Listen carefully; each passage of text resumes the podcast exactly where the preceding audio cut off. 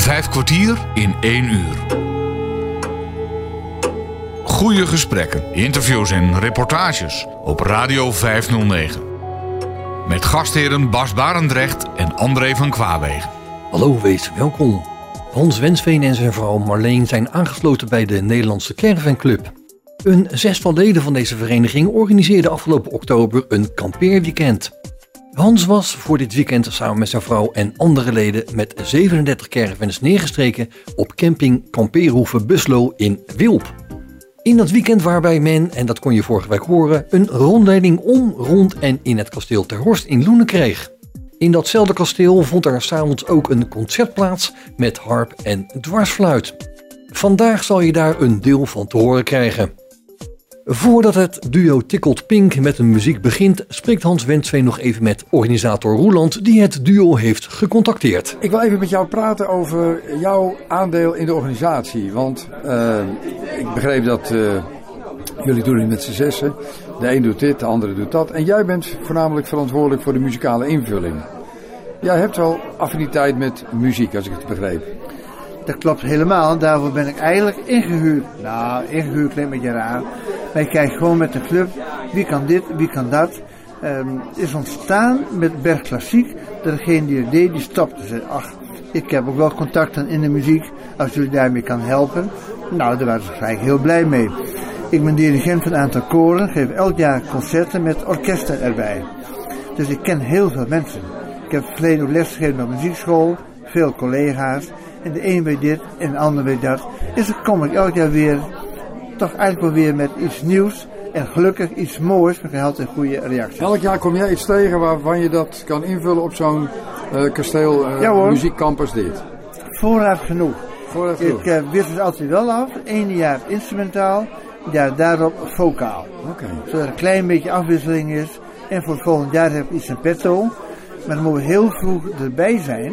Ja. Dan anders zijn ze weer bezet. Ja. Maar wat is jouw affiniteit zelf met muziek? Want uh, daar, daar, zit, daar zit ook wel een stukje achtergrond in. Ja, dat klopt. Uh, mijn vader speelde plaatselijke harmonie.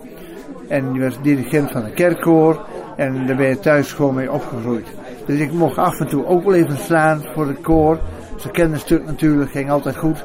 En, maar toen heb ik een muzikale, ook een opleiding gevolgd. Mijn vader niet, maar ik heb een opleiding gevolgd. En op een gegeven moment was het toch zo, ik kon een baan krijgen in de muziek. Zei mijn vader, doe dat nog niet. Als je daar je boter mee moet verdienen, zorg dat je een baan hebt. En zorg dat je muziek ja, erbij houdt als ja. hobby. En eigenlijk is het heel verstandig geweest. Nu zijn heel veel muziekscholen omgevallen. Failliet verklaard zelfs. En als uh, muzikus je broek op te houden is heel moeilijk. Heel in deze tijd ook, ja.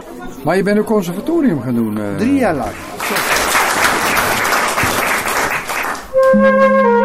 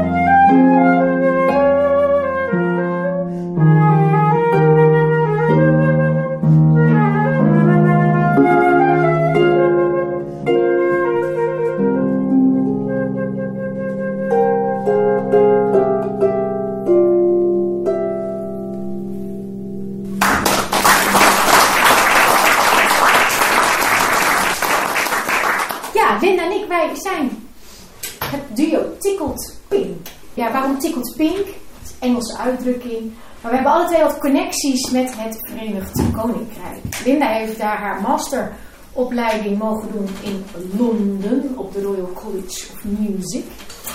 En um, ja, daar mag je trots op zijn. Dat kom je niet zomaar. En, uh, en ik heb een tijdje in Engeland mogen uh, wonen en werken voor het bestaand hartbedrijf daar. In de verkoop van harpen. Dus mocht u nog een harp willen aanschaffen. ik kan u met raad en daad terzijde staan. uh, nou, doe er maar drie. precies. nog een kleurtje modelletje. Ja. Maar voor de liefde teruggekomen naar Nederland en eigenlijk nu weer het, eh, het spelen weer opgepakt. En op een gegeven moment uh, op een muziekschool in de Noordoostpolen voor een docentenconcert yes. werd ik gevraagd door de fluitisten of we samen het Mozart Hart fluitconcert samen met pianobegeleiding wilden spelen. Dat hebben we gedaan. En het klikte eigenlijk dusdanig leuk dat we toen zeiden, nou moeten we vaker doen. Maar dat heeft denk ik nog wel een jaar, anderhalf jaar geduurd dat we zeggen, we moeten echt vaker samen spelen. Ja, dat is echt wel ja. Dus uh, ja, dat, dat is eigenlijk in de coronatijd, waar we net voordat corona begon, het een beetje van start. Nou, corona nu. En um, het allemaal weer een beetje kon, meer en meer opgepakt. En, uh, dus nu zijn we eigenlijk wel echt uh, actief bezig als Tickled Pink.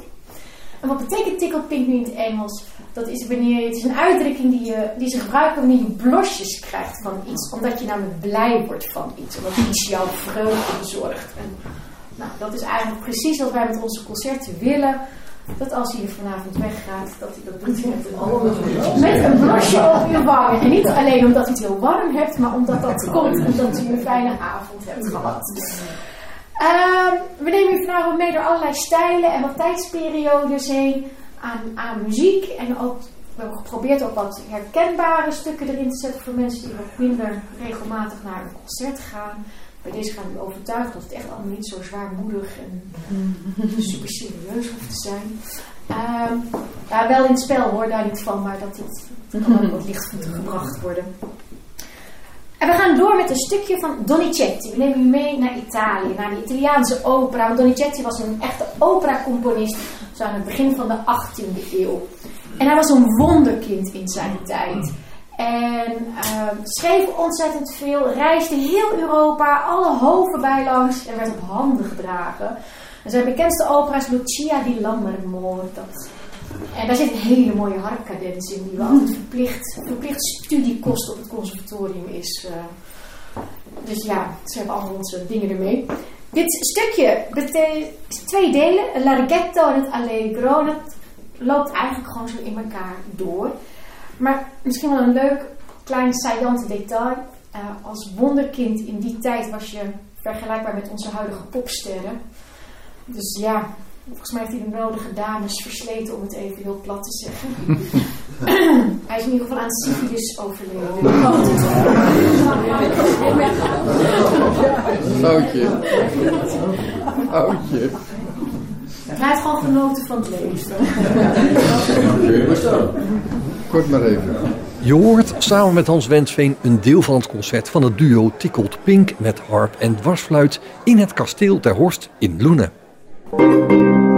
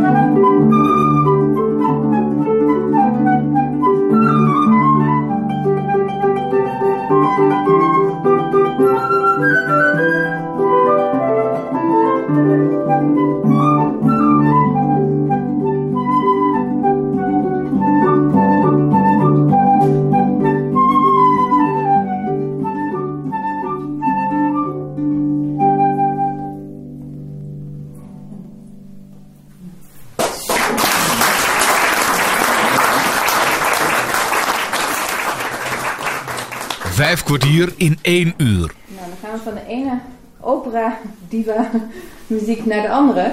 Ehm, ook dramatisch, maar ander soort drama. Uh, we gaan naar Gluck, naar de Dance of the Blessed Spirits. Misschien voor sommigen van jullie een wat bekender stukje. Ehm, het vertelt het verhaal van Orfeo en Eurydice. Het komt uit de Griekse mythologie. En het verhaal gaat dat Eurydice werd gebeten door een giftige slang en kwam te overlijden. En ze werd door Hades meegenomen naar de onderwereld. Hades was de, de heerser van de, van de onderwereld. En Orfeus hart was gebroken. Hij was een grote liefde kwijt.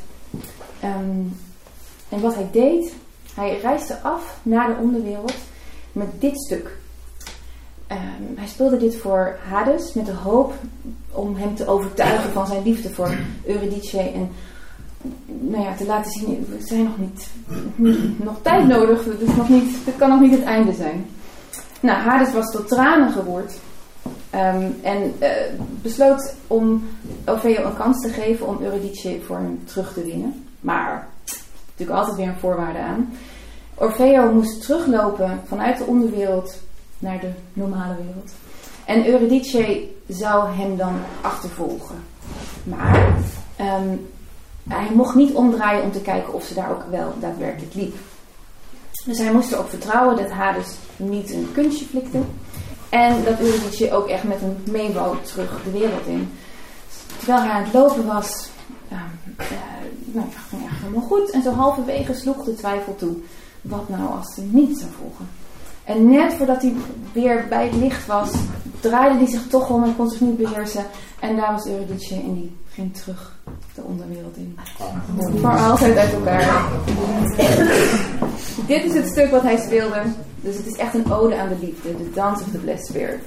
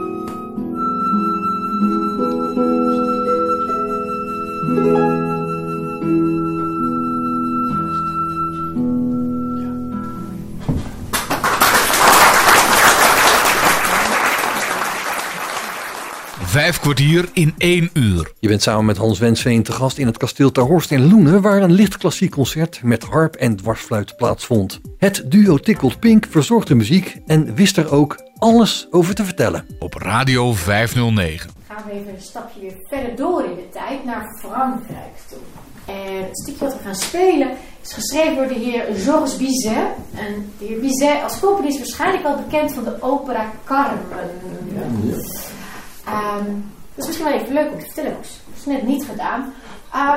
Toen de opera Carmen geschreven, we gaan niet Carmen spelen, maar wel om even het, het, het recalcitrante van de heer Bizet neer te zetten. Ehm, toen hij de opera Carmen schreef, was het totaal geen succes.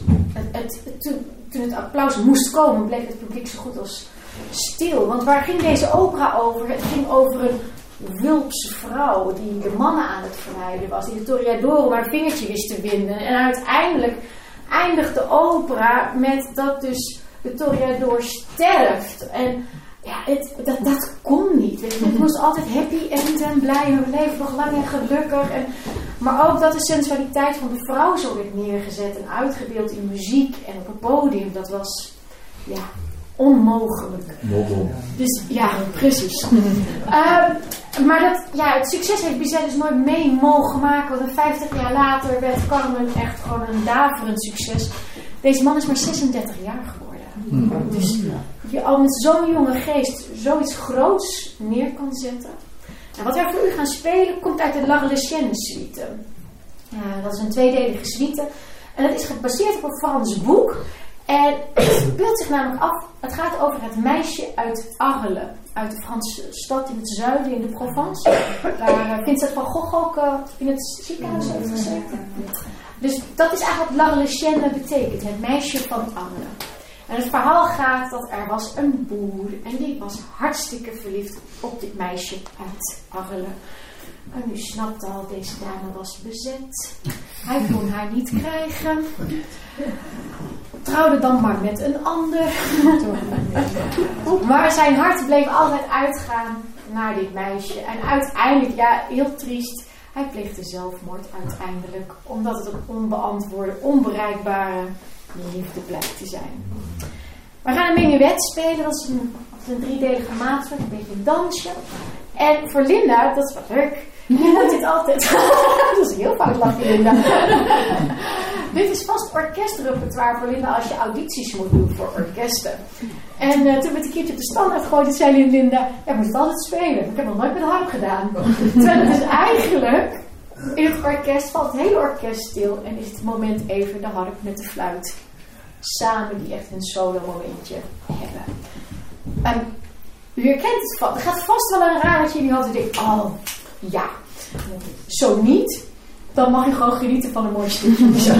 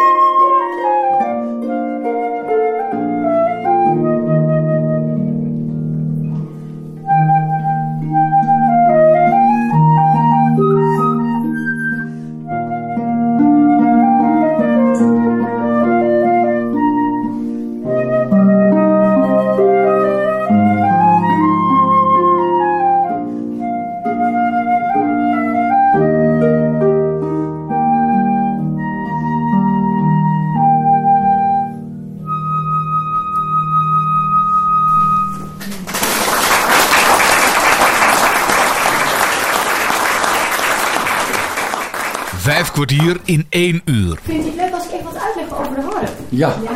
Ja! Ja, ik ben benieuwd naar die pendalen hoor. Ja, ik, ben, ik word een beetje nerveus van dat Roelof weer achter me zit. ik had het net uitgelegd in het vorige concert natuurlijk. Dus ik zit ergens in mijn hoofd. Ik oh, Roelof zit al hartstikke naar mijn voeten te kijken. ja, waar je druk over kan maken. nou, lieve mensen, dit is een harp. Ja, dit, nou, dit is dus één. Nee, maar het is voor veel mensen toch dat onbekende instrument wat meer linksachter in de hoek van het orkest. En, en men heeft het toch niet heel vaak zo live en in uw geval bijna bij uw schoot uh, mee mogen maken. Um, ja, de harp is eigenlijk een van de oudste instrumenten wel. Sinds ja, prehistorie eigenlijk wel. Want mensen hebben altijd de aandrang gehad om, om, om kunst, om schoonheid te maken. En zich dus te uiten door middel van nou ja, muurschilderingen maken of inderdaad uh, muziek maken. Waarbij stem natuurlijk het meest voor de hand liggend is als eerste instrument. En daarna waarschijnlijk iets van trommelen, met gewoon op stokjes, dingetjes. En dan heel snel uh, komt het voort uit de jacht, de harp. Oh. Ja. Want als je op jacht ging met je pijl en boog om je konijntje te schieten, ja, Um, toen hoorde je ping. Men was toen nog uh, niet vegan in die tijd. en, um, en toen dacht men op een gegeven moment, die boog, als ik daar nou meer touwtjes op span, dan kan ik dus, nou, toen kwamen ze achter op toonhoogte. Als je kijkt in de piramides van Egypte, die, die schilderingen, dus die hele grote, noemen ze ook boogharp. En dat zijn dus letterlijk die hele grote bogen met die snaren op. Dan is er dus ook nog geen zuil. Deze zuil is er om de constructie als driehoek qua stevigheid te houden. Maar dat was toen dus nog niet. Het was echt een boog. En op een gegeven moment gingen we wat experimenteren met iets van een klankkastje door middel van een kale bassen achter. Of iets van een, ja, een, een, een, zo'n schildpadschil erachter. En zo zijn zo'n 4000 jaar geleden um, eigenlijk op verschillende plekken op de wereld uh, harpachtige instrumenten ontstaan. Wanneer is een instrument dus ook een harp en niet een lier? Want dat ding op het concertgebouw noemt men vaak een harpje, maar dat is een lier. Uh, ik zeg zelf ook harpje, maar dat is hartstikke fout. Want wat is de definitie voor een harp? Dat is wanneer die snaren loodrecht op een klankkast komen te staan. En een lier, dat doet hij dus hier, want die snaren, dit is de klankkast. En die snaren staan daar dus zo bovenop. Um, en een lier, dan gaat de klankkast, die loopt net als een gitaar parallel erachter. Dat is dus het verschil wanneer iets een lier of een harp is. Dus, um, zo gezegd, zo gedaan. Dat ding kwam. En op een gegeven moment in de loop der eeuwen heen wil men wat gaan experimenteren met halve tonen spelen. Dus de zwarte toetsen op de piano. Wat je ziet, daar snaren zijn eigenlijk de witte toetsen. Maar er moest iets bedacht worden hoe gaan we nou zo'n snaar zo'n halve toon kunnen verhogen. En daar zijn we eeuwen mee bezig geweest. We hebben harpen gehad, dat noemen we de trippelharp. Die bestaat nog steeds. Vooral bekend in de barokperiode. Dat zijn twee, drie rijen snaren, maar de buitenste kanten zijn de witte snaren, de witte toetsen van de piano als het ware. En ertussenin de zwarte. Dus dat is een beetje driedimensionaal harp spelen. En dan moet je voor die halve tonen moet je met je vingers naar, naar binnen zien te frutten. Ja. En, en moet je nagaan, dit zijn 47 snaren. Dat keer 2 plus nog wat ertussenin. Nee, dat um, ook niet aan mij besteed. Het is beeldschoon hoor. Um, daarna heb ik ook een tijdje chromatische harp gehad. Gekruiste rijsnaren. Dan was de ene kant de witte snaren, witte toetsen als het ware. En de andere de zwarte toetsen. En dan door dus bij die kruising van die snaren erboven en eronder heel handig met je handen te spelen. Nou, dat is bijna een grote doorbraak geweest. Daar heeft Debussy ook voor geschreven. Zijn dans sacré en dans profane zijn oorspronkelijk voor de chromatische harp geschreven. op datzelfde moment kwam Ravel om de hoek kijken. En die heeft voor de concurrent, de pedaalharp-concurrent, de Introduction Allegro geschreven. En die heeft het uiteindelijk gewonnen. Want het bleek met dit instrument ook de muziek van Debussy net zo makkelijk te kunnen spelen. Dus ja, het is een beetje haat en nijd geweest. Um, deze hartproducent die om de hoek kwam kijken was eigenlijk een pianobouwer. En die heeft in 1810 de mechaniek ontwikkeld zoals die vandaag de dag nog altijd wordt toegepast. Ze zijn bezig geweest op de TU Delft om een nieuwe hartmechaniek te ontwikkelen. En het is tot op heden nog niet gelukt. Dus we zitten nog steeds hetzelfde principe als meer dan 200 jaar geleden. Dat principe is zeven pedalen hier onderaan. Het heeft niks te maken als de, pia uh, de pianopedalen, maar dit zijn dus voor de zeven tonen. Ik heb zeven tonen, op, eh, zeven tonen in de toonladder. dus voor iedere toon één pedaal. En op iedere toon kun je de muziek herstel, verhoogd en verlaagd spelen, kruis en mol. Dus ik heb drie standen per pedaal. En dan gaat een heel mechaniek door deze zuil heen. En Linda kan het vooral zo dromen. Uh, deze zuil is hol. En die komt in dit plaatwerk. Of tenminste eigenlijk hieronder. Want deze hals, dat hout, reikt eigenlijk maar tot hier. Maar voor de rest is dit onder die plaatwerk hol. Zodat er allemaal platen kunnen die er zitten. Die gaan draaien op het moment, bewegen, dat ik het pedaal intrap. Want dan zitten hier haakjes, discs per snaar. Twee stuks die ervoor gezorgd dat dit zijn mijn C-snaren. Als ik het intrap, worden al mijn C's en C's. Dus alles, niet eentjes. Op die piano kun je ervoor kiezen om één, één C's te pakken. Maar als ik trap, spontaan alles één. Maar ik kan ook terug naar C. En ik kan ook verlagen. Half toon laag. Een 6. Dat kan niet op de piano. Daar moet je de B-toets voor pakken. Voor de mensen die iets meer, sorry. Je mag nu rustig afhaken. Dat is een beetje hogere, hogere wiskunde op, uh, op, op, muziekgebied. Uh, dus dat is wat mijn voeten doen. Dus heel vaak, los van een iPad momentje, als er stress is, zit dat bij de harpist vaak hieronder. Dan hebben we ergens toch een pedaaltje gemist. Uh, en dat heeft het namelijk invloed op het hele instrument. Maar je kunt het pedaal ook op een bepaalde hoogte vastzetten. Ja, je kan hem altijd. Hij, hij, hij trekt zichzelf als het ware ja. vast. Je zet hem om het, hoek, ja. om het hoekje vast. Ja. Maar kan als ik heel snel moet zijn, trap ik hem alleen maar omlaag en hou ik hem vast met mijn voet, zodat ik hem heel snel weer kan laten gaan. Um, dus als ik echt hele chromatische loopjes moet spelen, dan dat is echt gewoon, als ik zo vrij mag zijn, een hel voor mij. Terwijl dat op die piano zo eventjes wegrammelt. Op de harp is dat echt een... dat. Tot op zekere hoogte kunnen we dat.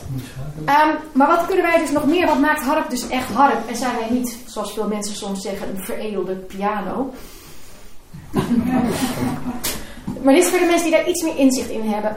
Uh, op de piano heb je tussen de witte toetsen, dus dan één zwarte toets. Dus bijvoorbeeld tussen de C en de D zit er één. Afhankelijk van de toonsoort is dat voor de C de verhoogde C's. Dus C, C's. Of het is voor de D de verlaagde Des. Maar het is nog steeds diezelfde toets die je in moet trappen, uh, spelen. En ik verlaag mijn D's tot een Des. En nu heb ik twee snaren.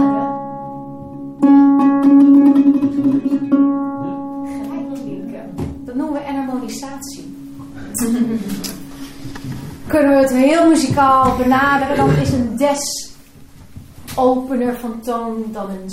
Want een cis is afgeknepen en een des staat de mechaniek vrij op. Um, als ik dat trucje doorzet, dan heb ik alle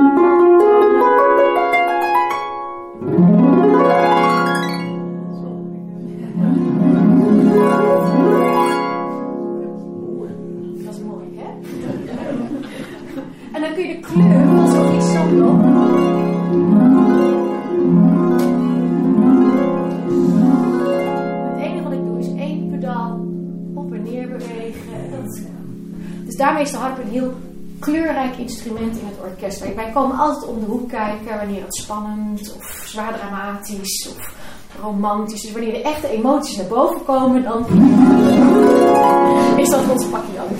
Um, ja, ik zal nog even zeggen. Sinds ik met Marije speel, um, ik speel met piano, met strijkers. En dan komen mensen na afloop naar me toe. Oh, mooie fluit. Sinds ik met Marije speel, het hele publiek gaat naar die harp. Oh. Ja. ja. Dus ik snap het, ik snap het, maar ja. Ik sta te praten met uh, Linda, die nou prachtig mooi de dwars, dwarsfluit speelde. Waarom heb je voor het instrument gekozen? Oh, um, nou, um, ik, ik ben een beetje opgegroeid in de Berlin Stemberg tijd. Ja, ja kennen we nog. Ja. ja, dus de fluit was best wel um, hoorbaar uh, op dat moment. Dus ja, ik kwam er op die manier mee in aanraking. En, en ik zat met ik, ik had blokfluitles bij mijn buurvrouw met alle buurtkindjes. En zij zat in een volksdansgroepje. En zij nam mij een keer mee naar, naar haar clubje. En daar waren een paar eh, vrouwen en die speelden fluit. En dat vond ik er zo mooi uitzien. Dat ik je? dacht, ja, dat, dat wil ik spelen. Ja. Nou is het zo dat je bijvoorbeeld piano en bijvoorbeeld voor gitaar moet je ja, misschien een beetje speciaal eh, lange vingers hebben bijvoorbeeld. Ja. Is, het, is het nou misschien een gekke vraag, maar als je nou dwarsfluit zoals jij op dat niveau speelt, heb je dan, ja, het is rare vraag, maar heb je dan ook speciaal, ja, misschien een, een- een- ja, bepaalde lip- of mondvorm nodig? Niet om dat te kunnen? Om- Nou, niet per se. Het, is, zo. het is wel zo. ehm, ja, het kan zijn als je soms. zo- Je hebt ja, bij je lippen soms hebben mensen zo'n druppeltje Ja. eh, op de bovenlip. Dan is het wat lastiger. Maar daar, daar is alsnog wel omheen te werken. Dus niet, niet per se. Het is niet per se. Nee, nee. Nou, het is eigenlijk net zoals met, met zang. Gebruiken heel erg het lichaam met de adem. Eh, eigenlijk zijn de lippen veel minder belangrijk dan, eh, dan we vaak denken. Het is veel meer adem en, en eh, ja, het gebruik van je lijf als, als klankkast. Nou, vraag ik me af, van, wat is het bereik van zo'n harp qua octaaf? Ja, eigenlijk bijna vergelijkbaar met, met gewoon een grote vleugel. Die heeft nog net een paar tonen onder en een paar tonen erboven. Want die heeft 52 toetsen en ik heb er 47. Nou, dat is toch best veel. Dus ja, nou ja, je moet het zien onder de, zeg maar, wat we noemen de centrale C. Dus dat is zeg maar de C waar je vader Jacob op gaat zingen. Ja, ja, ja. Daar heb ik nog, even kijken, dan moet ik even spieken om harp hoor. Ehm, oh, wat erg. Drie hele octaven onder zitten. Ah, Oké, dus je hebt best Ja. wel heel, heel veel bereik. Ja, ja, dus echt van grote Ja, je hebt uitgelegd hoe het met die, met, die, met die pedalen werkt en die halve tonen, dat snapte ik wel. Maar dat er zo'n veel bereik op zit, joh, dat is, Ja. dat is echt meegaan. Ja, en ook denk ik wel het volume van het instrument zelf. Dat is gewoon onbekend voor veel Ja, mensen om ja, het solo te horen. Dus eh, we ver- verzuipen een beetje in het orkest vaak. Hans Wensveen bezocht voor vijf kwartier en een uur het kasteel Ter Horst in Loenen, waar het duo Tickled Pink met harp en dwarsfluit een concert gaf. We komen eigenlijk toe aan de twee laatste stukken van ons programma. En om de cirkel een beetje rond te maken, omdat ja, in het begin wat ik vertelde, dat onze naam Tickled Pink, omdat we die verwantschap een beetje hebben met het Verenigd Koninkrijk, sluiten we af met een Engelse componist, met eh, de heer Edward Elgar. Ehm, en deze meneer die ehm, is geboren in de stad Worcester. En ik heb daar eigenlijk vlakbij gewoond in Gloucestershire. En de met- Als we met de caravan nou eens een keer echt ergens mooi bent. oh, nou ga naar de in. Het is onbetaalbaar, maar het is... Ja, hè? Oh, ik had mijn eigen cottage. Ik had mijn eigen aga. Kent u dat zo'n fornuis? Oh, ja. Wat doe ik hier? De liefde, de man. Ja, nee, ja, dat bleek eigenlijk, ja, alles op en aftellen bleek de toekomst samen in Nederland. Makkelijker dan daar in Engeland. Helaas, helaas, helaas. Ik heb een oude vent namelijk, dus ja. Nee, is gewoon zo. Ja, goed. Een schat, nou zielsveel. Op andere dagen ben ik teruggekomen. Maar ja, met, met oog op pensioen en toekomst bleek Nederland eh, makkelijker te zijn. Brexit er al. Ja, maar ik ben echt Ja. letterlijk op Brexit-dag 2016, toen het duidelijk werd dat we ons gingen af... Oh ja, we, toen ik daar woonde. Ehm, ja, toen ben ik dus naar Nederland gegaan. Dus dat mijn eigen privé-Brexit eh, momentje. maar ik heb echt de hele weg gehaald naar de boot. ja. Ja, als die man dus niet terug was gekomen, woonde ik daar nog steeds. Maar goed, dat terzijde. Ehm meneer Edward Elgar was echt een autodidact. Hij heeft zichzelf leren viool spelen, alt viool spelen. En zijn vader runde een eh, muziekhandel en stemde piano's. En deed orgelreparaties. Dus Edward was altijd op pad met zijn vader. En, die passie die deelden zij ook samen. En zodoende heeft hij ook echt een grote liefde voor orgelmuziek. Ehm, ik heb nergens terug kunnen vinden of deze man ooit naar het conservatorium is geweest. Maar echt een ware autodidact die zichzelf het schrijven, het componeren heeft aangeleerd. Hij is ook heel bekend geworden. Ehm, zijn bekendste stuk is Pump and Circumstances, wat altijd op de BBC Proms wordt eh, gespeeld. Eh, En dan van Land of Hope and Glory. Dat is van deze meneer Edward Elgar. Ja. We gaan een stukje, het eerste stuk dat we voor gaan spelen heet het Chanson du Matin. Het is weliswaar op Frans, want dat, dat vooral in die tijd was Frans toch de taal om te voeren, als je een beetje elitair gesteld was. Eh, dus dat is het ochtendlied. En dan sluiten we daarna af met het beroemde Salut d'amour. Eh, afscheid van mijn lief. En ja, de ultieme liefdesgebaar heeft het geschreven voor zijn verloofde als verlovingsgeschenk. En daar staat dan heel mooi bij, Acaris. En dan denk je, ah, nou, dat is dan zijn geliefde. Dat is ook zo, maar zo heette ze niet. Ze heette namelijk uh, op zijn Frans Caroline Alice. En hij heeft die namen, Car en Alice, naar Caris gemaakt. Uh, maar wat dan wel heel leuk is, toen hun eerste kind twee jaar later geboren werd, hebben ze haar Caris genoemd. Hmm. Dus, uh, hij dacht misschien twee vliegen in één klap. Dan, uh, eerst voor de verloving en dan twee jaar een klaar liggen als, het, als de baby komt. eigenlijk is piano en viool geschreven, maar we hopen je te overtuigen dat harp en fluit Oh. minimaal zo mooi is.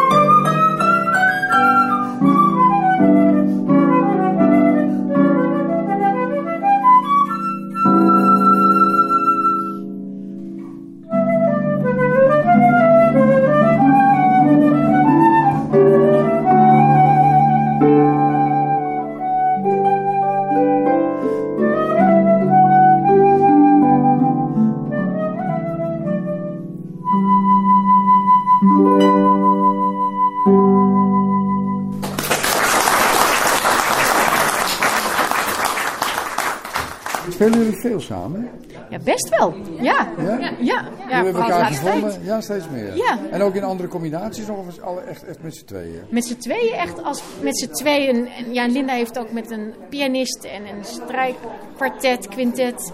En ik, en ik speel ook nog met twee harpen samen. Maar ja, nee, als ik fluit speel, dan, dan wordt het met Linda natuurlijk. Oké, ja, dat snap ik. Ja. Dat, voel je, dat voel je, ja, die dynamiek is er wel. Wat is jouw gevoel eh, na deze... Nou, het weekend is er helemaal over. Wat is je gevoel? Nu? Ik vind het gewoon, dat ze dames die echt super gedaan hebben. Het is Ja. één groot feest. Ja. Ze konden heel Iedereen leuk, is blij. Ja, ze konden heel leuk vertellen Ja. over een instrument, over Ja. een hobby. Geweldig. En de reacties zijn heel positief. Het is gewoon heel leuk. Kan je mooi afsluiten. Het heel Dankjewel. goed afsluiten.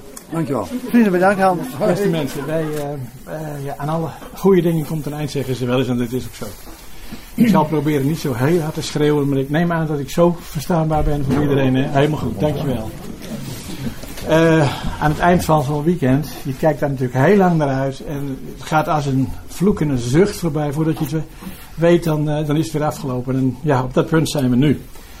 Ik denk als ik zo terugkijk dat ik uh, toch wel mag zeggen dat het een aaneenschakeling was van hoogtepunten.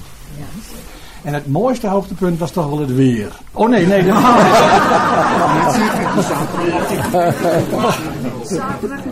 Vreselijk. dit zo slecht hadden we het nog nooit getroffen. Maar goed, dit, allemaal op een geweldige manier geregeld. En jullie worden er straks ook allemaal door Wim weer afgehaald. Nou, en als we het dan toch over hoogtepunten hebben, dan denk ik dat ik toch even moet noemen eh, gisteravond. Uh, punt 1, dat kasteel is natuurlijk wel heel bijzonder. Hè? Dat je in een kasteel mag wat gewoon bewoond is. En, en uh, ja, en dan die, dat, die muziek. ik hoorde allerlei termen toen jullie gisteravond die langskwamen. De blije dames en vrolijke dames. Nou, zo was het wel. Het is uh, niet alleen geweldig dat ze zo'n harp. Het is natuurlijk een prachtig instrument ze dat op die manier wezen bespelen, maar ook die babbel daarbij. Dus ze straalde iets uit. Nou ja, goed. Meer dan genoeg over gezegd. Uh, nogmaals, Wim die had. Oh ja, die, ik zou Wim bijna vergeten, joh. Ja.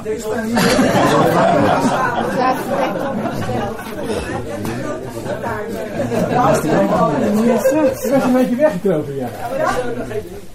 Wim, wij hebben ons hier geweldig gevuld. Jullie hebben een prachtbedrijf over kunnen nemen. En ik moet je echt zeggen, wij wensen jullie daar alle mogelijke succes bij. Nou, en de hulpvaardigheid, nou, dat was uh, uitstekend. Ik denk dat hij wel even een applausje moet geven. Uh, ik wil jullie voor de allerlaatste keer heel hartelijk bedanken voor de inzet, voor het, de geweldige sfeer. En als je nou vanmiddag een klein beetje geduld hebt, dan kom je er allemaal op de goede manier uit. Ik hoop dat jullie allemaal een veilige thuisreis hebben. En ik hoop zeker dat je het, uh, volgend jaar weer van de partij bent. Ja, ja. ja. En misschien zijn er nog wel wat buren of kennissen of vrienden die ook zo'n ding hebben. Nou, ja, ga ook maar mee. Dankjewel allemaal en een hele goede thuisreis. Tot de volgende keer.